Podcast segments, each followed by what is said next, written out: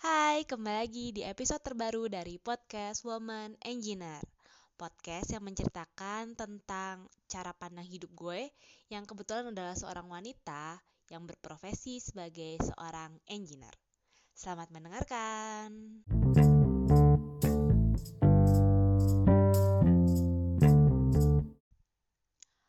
Oke, episode kali ini masih nyambung-nyambung lah ya sama episode yang kemarin masih ngomongin tentang jenjang pendidikan di dunia kerja engineering. Tapi kali ini ceritanya bakal lebih fokus nih sama pengalaman gue sendiri. Well, gue sendiri sebenarnya adalah seorang lulusan sarjana S1 yang kemudian bekerja di bidang teknik sipil. Udah kira-kira 8 tahun nih sampai dengan sekarang.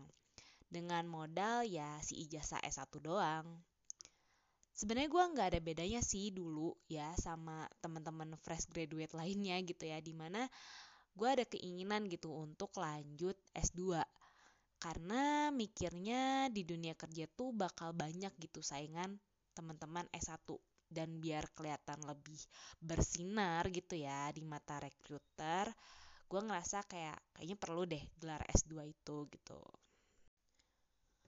Waktu itu sebenarnya di kampus gue itu ada program S2 Fast Track. Apa tuh? Jadi itu adalah program buat anak-anak S1 untuk bisa ngambil mata kuliah tahun pertama S2 pas mereka lagi di tingkat akhir S1. Dan ini tuh kayak gratis gitu tuh yang pas tahun pertama. Jadi sambil ngerjain tugas akhir itu kita sambil kuliah S2 juga. Jadi nanti pas lulus S1 kita tinggal ngelanjutin satu tahun lagi deh buat si S2-nya. Nah, kita baru deh bayar uang semesterannya setelah itu, pas tahun kedua S2-nya. Lumayan kan jadi lebih cepat masuk jenjang S2, bayarnya juga kayak cuman satu tahun terakhir deh kalau nggak salah. Ini hmm, perlu dicek lagi sih, gue agak-agak lupa, tapi singkat gue kayak gitu. Nah, waktu itu gue sendiri juga sempet daftar dan masuk nih ke kelas S2-nya. Tapi setelah masuk di hari pertama, gue memutuskan untuk tidak melanjutkan programnya. Kenapa? Karena gue ngerasa nggak sanggup waktu dan energi gue tuh nggak cukup buat tambahan pelajaran S2. Kenapa gue bisa ngambil kesimpulan kayak gitu? Itu karena pertama, walau sebenarnya di tingkat akhir itu udah nggak ada pelajaran wajib yang diambil tapi gue tuh ngotot ngambil mata kuliah tambahan yang ilmunya tuh kayak lebih advance gitu loh daripada mata kuliah wajib S1 umumnya gitu. Dan itu tuh susah kalau menurut gue pelajarannya. Jadi gue butuh energi dan waktu khusus nih khusus nih untuk ngejar ketidakmengertian gue terhadap pelajaran tersebut di luar jam kuliah. Terus alasan kedua adalah tugas akhir gue yang gue ambil itu bentuknya praktikum. Di mana di awal-awal progres itu ya gue banyak mengeluarkan energi fisik nih. Karena gue sendiri nih yang harus nyiapin bahan-bahan untuk si praktikum itu yaitu berupa pembuatan beton. Jadi bisa dibilang hampir setiap hari gue tuh kayak nge-lab gitu buat nyiapin si uh, tugas akhir gue dari pagi sampai sore. Dan gue tuh kayak cuman pergi dari lab itu ketika gue lagi ada kuliah doang. Dan yang namanya bikin beton tahu sendiri kan materialnya tuh pasir gitu kan batu kerikil air ya berat kan kalau diangkut-angkut Nah, sekarang lanjut ke cerita di hari pertama gue masuk kelas S2. Jadi, walaupun dosen yang ngajarnya sama nih antara kuliah S1 dan S2, tapi ternyata style pengajarannya dia itu beda jauh nih pelajarannya antara ketika dia ngajar kelas S1 dan ngajar kelas S2. Nah, ketika dia ngajar di kelas S1, si dosen ini tuh benar-benar ngajarin detail di papan tulis tentang si pelajaran yang dia ajarin. Layaknya kita belajar pas di bangku SD, SMP, SMA gitu. Nah, ketika dia ngajar S2, si dosen ini tuh kayak cuman ngajarin dikit banget gitu loh dan dia tuh kayak cuman ngomong doang.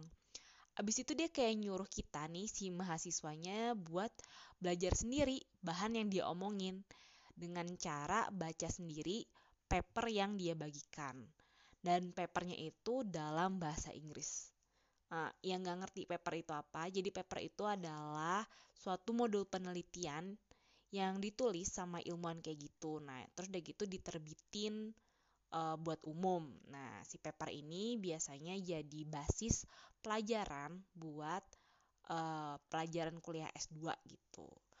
Nah, jadi selesai pelajaran si S2 itu, selain dikasih tugas buat baca paper di pelajaran selanjutnya juga ya gue harus mempelajari paper tentang pelajaran hari itu gitu. Di mana satu paper itu ya isinya berlembar-lembar dan semuanya dalam bahasa Inggris. Jujur abis itu gue ngerasa nggak sanggup. Kalau gue greedy nih ambil fast track, gue yakin gue nggak akan punya waktu istirahat yang cukup dan berujung pada tingkat stres gue yang meningkat dan gue takut kesehatan mental gue terganggu lagi. Akhirnya ya gue mengembalikan semuanya ke rencana awal. Gue akan S2 setelah lulus S1 dan itu gue maunya keluar negeri dengan beasiswa. Waktu itu negara incaran gue adalah Jepang karena dia terkenal dengan bangunan tahan gempanya dan gue pengen banget sekalian lihat bunga sakura bermekaran di sana. Terus lulus dari S1 sambil kerja ya gue nyari-nyari beasiswa lah ya buat S2. Tapi ternyata tidak semudah itu Ferguso. Gagal semua coy. Dari membuku Gakuso nih yang buat ke Jepang, terus udah gitu yang ke Australia juga gagal. Bahkan LPDP pun gue gagal. Padahal gue udah diterima loh waktu itu di Birmingham University di Inggris.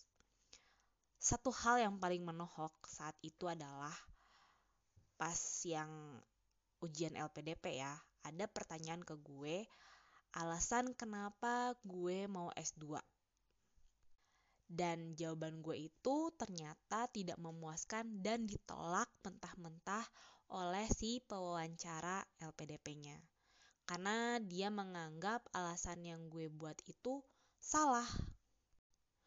Waktu itu gue bilang alasan gue pengen lanjut S2 adalah karena setelah gue bekerja nih, gue ngerasa ilmu yang gue miliki uh, setelah gue lulus S1 itu kayak kurang. Gue banyak yang nggak ngertinya gitu ketika gue kerja kayak aduh gue kayak kurang ahli gitu loh istilahnya kayak gitu sehingga gue ngerasa butuh untuk S2 untuk meningkatkan ilmu gue di bidang civil engineering. Sehingga harapannya adalah ketika gue udah lulus nih si S2-nya, ketika gue kembali lagi bekerja, gue bisa lebih banyak membantu kantor gue untuk mencari solusi gitu. Nah, pada akhirnya si wawancara ini malah bilang kalau gue tuh harus cari tahu dulu sebenarnya fungsi lulusan S1 dan S2 tuh apa sih di dunia kerja. Karena gue kekeh sama jawaban gue dan menurut si pewawancara itu alasan gue tuh salah banget.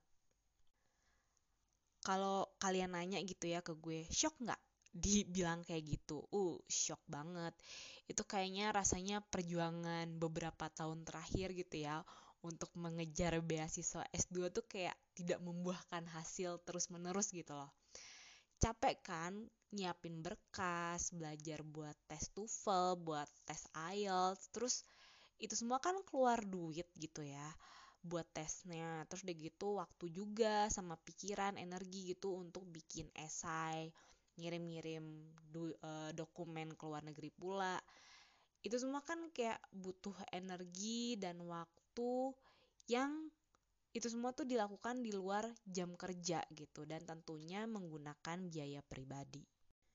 Ya udah karena gue waktu itu udah kayak capek banget, akhirnya gue memutuskan untuk berhenti. Gue berhenti untuk menenangkan diri dan gue menerima tawaran jadi field engineer. Jadi guys, sebenarnya cerita-cerita gue kemarin di episode sebelumnya tentang field engineer itu tuh gue sebenarnya pelarian guys, karena gue nggak keterima beasiswa. Udah gitu selain gue menerima tawaran jadi field engineer, gue juga beli tiket traveling ke Korea. Nggak nyambung ya? Ya nggak apa-apa. Tapi semua akan ada maknanya ke keputusan gue untuk belum mengambil S2 sampai saat ini. Nah, jadi setelah gue memutuskan untuk berhenti nih mengejar beasiswa, di mana waktu itu sih mikirnya ya untuk sementara waktu aja gitu ya gue justru jadi banyak melakukan perjalanan traveling nih setelah itu. Perjalanan pertama waktu itu backpacker ke Komodo dan Lombok. Waktu itu dua destinasi itu belum terlalu booming nih. Terus dilanjutin uh, dengan gue ketika menjadi field engineer gitu ya, karena waktu itu penempatannya di Banyuwangi dan waktu itu Banyuwangi memang uh, lagi gencar menjadikan daerahnya itu menjadi tempat wisata, akhirnya ya gue dan kolega-kolega proyek gue jadi kayak suka mengeksplor gitu si daerah-daerah wisata di Banyuwangi. Dan tentunya ya itu setahun kemudian nih setelah gue beli tiket ya gue pergi ke Korea selama seminggu. Nah perjalanan di Korea ini nih yang akhirnya membuat gue tersadar jangan-jangan emang nih niat gue untuk S2 selama ini tuh gue salah. Jangan-jangan selama ini sebenarnya gue tuh nyari beasiswa S2 ke luar negeri itu karena gue pengen ngerasain tinggal di luar negeri, bukan buat kuliahnya. Nah yaitu, perjalanan selama seminggu itu ke tempat yang belum pernah gue kunjungin, dengan bahasa daerahnya yang juga belum pernah gue pelajarin sama sekali udah gitu pas musim dingin yang gue belum pernah ngerasain juga itu ternyata buat gue itu kayak punya kesulitan tersendiri gitu terus gue jadi kayak menghubungkan gitu loh dengan pengalaman gue yang waktu itu sekali doang masuk ke kelas S2 saat mencoba fast track gitu. Sama si pengalaman gue selama seminggu di Korea gitu. Gue ngebayangin gitu udah kelas S2 itu lebih susah dari S1 gitu ya. Udah gitu gue juga pasti harus beradaptasi kan dengan lingkungan tempat tinggal yang baru gitu. Akhirnya melalui pengalaman itu gitu dan mikir-mikir lagi gue akhirnya memutuskan kalau nanti gue S2 cukuplah gue di Indonesia aja. Dan kalau gue emang mau nyobain tinggal gitu ya di luar negeri ya cukuplah dengan traveling mandiri dan dengan jangka waktu yang ya kayak misalnya minimal seminggu lah atau sebulan gitu. Kenapa ya? Biar kalau misalnya gue nanti S2 ya gue bisa cuman fokus untuk menyerap ilmu aja nih energinya gitu jadi konsentrasi gue tuh nggak terbagi antara harus uh, belajar dengan uh, adaptasi ke lingkungan di negara yang baru dan toh untuk masalah pengen nyobain tinggal di luar negeri gitu ya dengan gue berhasil pergi pergi ke Korea waktu itu dan kemudian tahun berikutnya gue bisa pergi ke Jepang dengan biaya sendiri pula waktu itu gue yakin kalau duit itu bukan halangan untuk bisa melangkah ke tempat-tempat yang lebih jauh. Asal kita kumpulin, pelan-pelan pasti kekumpul dan ya cukup buat biaya jalan-jalan itu. Lah, terus kenapa nih sampai sekarang gue belum S2 gitu di Indonesia? Nah, kalau ini berhubungan dengan jam terbang kerja gue nih. Karena setelah menjadi field engineer dan masuk ke proyek berikutnya, kemudian ya dapat tugas ngedesain lagi, terus ya gue jadi field engineer lagi juga setelah itu. Gue ngeliat kalau gue mau bekerja sebagai seorang civil engineer, sebenarnya job desknya tuh bakal cuman di situ-situ aja gitu dan lama-lama ya kita pasti akan semakin jago karena kita hanya berkutat dengan teori rumus dan cara kerja yang itu-itu lagi walaupun proyeknya udah berganti-ganti gitu. mungkin ya akan ada lah ya sedikit perubahan atau problem yang unik gitu di setiap proyek. Tapi teori atau metode penyelesaiannya tuh kayak pasti bisa dicari kok. Entah itu dengan mencari literat literatur dari paper-paper di internet, terus membaca code-code atau peraturan teknik sipil terbaru, buka buku pelajaran yang lama, atau bahkan kita ber, e, bisa punya kesempatan untuk bertanya pada senior atau bahkan expert teknik sipil yang di hire sama proyek. Jadi gue pikir kalau akhirnya gue cuman pengen karir gue ya gini-gini aja, maksudnya tuh tetap jadi civil engineer gitu, yang berpraktek sebagai desainer engineer, menurut gue ilmu di S1 itu sudah sangat lebih dari cukup gitu untuk menunjang karir gue. Ketika ingin mengembangkan ilmu atau ingin uh, catch up gitu ya ke ilmu yang terbaru, itu bisa gue lakukan dengan cara ikut seminar-seminar engineering yang membahas problem-problem dunia konstruksi konstruksi sorry atau ya baca-baca literatur teknik sipil yang sebenarnya bisa diakses secara gratis dari internet. Bahkan teman-teman gue yang udah S2 itu jatuhnya tuh job desknya yang nggak terlalu jauh beda kok sama teman-teman S1 Bahkan salah satu temen gue nih yang ngambil S2, dia sendiri bilang kalau dia tuh nyesel loh untuk masuk program S2 gitu setelah kerja setahun dua tahun. Karena dia ngerasa gitu pengalaman kerjanya jadi kayak tidak sebanding dengan teman-teman seumurannya yang karirnya tuh nggak terputus gara-gara ngambil S2 gitu. Sedangkan karena dia tuh harus vakum gitu ya dari pekerjaannya untuk ngambil kuliah S2, jadi ketika balik lagi ke dunia kerja, sebenarnya dia tuh kayak berangkat lagi dari nol gitu untuk mengumpulkan pengalaman kerja. Karena memang seiring dengan berjalannya waktu, semakin tua kita, itu perusahaan akan lebih melirik pengalaman kerja seseorang daripada IPK dan asal muasal kampusnya. Eh tapi jangan salah ya, bukan berarti S2 itu nggak penting loh. S2 itu bakal jadi penting ketika memang jenjang karir kamu itu membutuhkan ilmu S2, kayak misalnya dosen.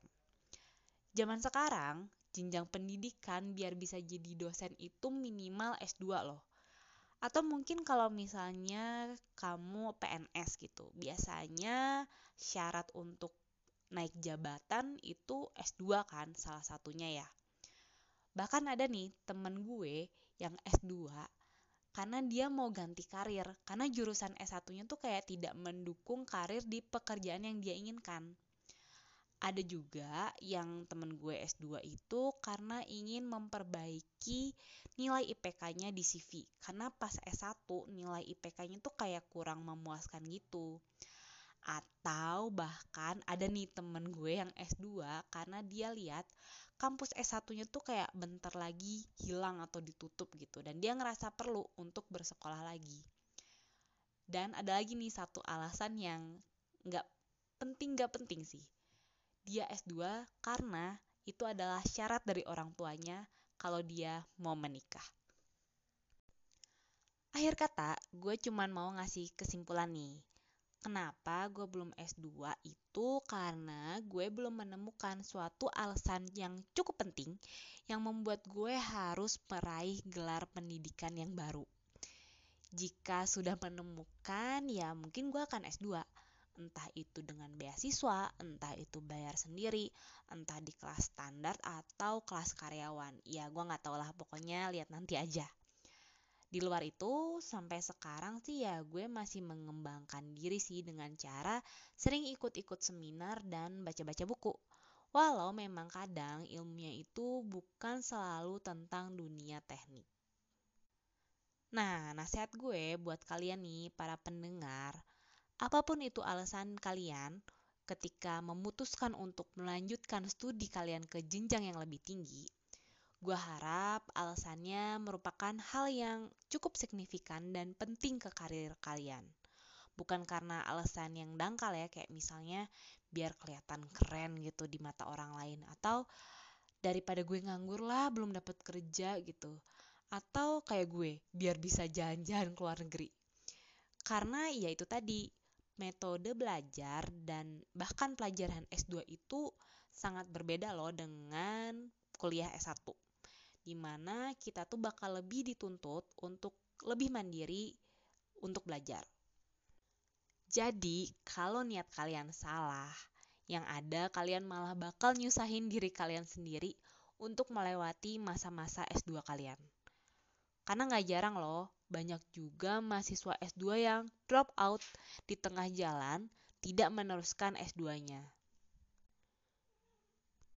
Mereka nggak nyelesain tesisnya dan lebih memilih untuk kembali bekerja. So, apa pun pilihan hidup kalian, apa pun itu, please pikirkan baik-baik biar nggak salah langkah. Kalaupun salah ya bertanggung jawab lah. Oke, gini aja episode kali ini. Sampai jumpa dua minggu lagi di episode terbaru dari podcast Woman Engineer. Dah.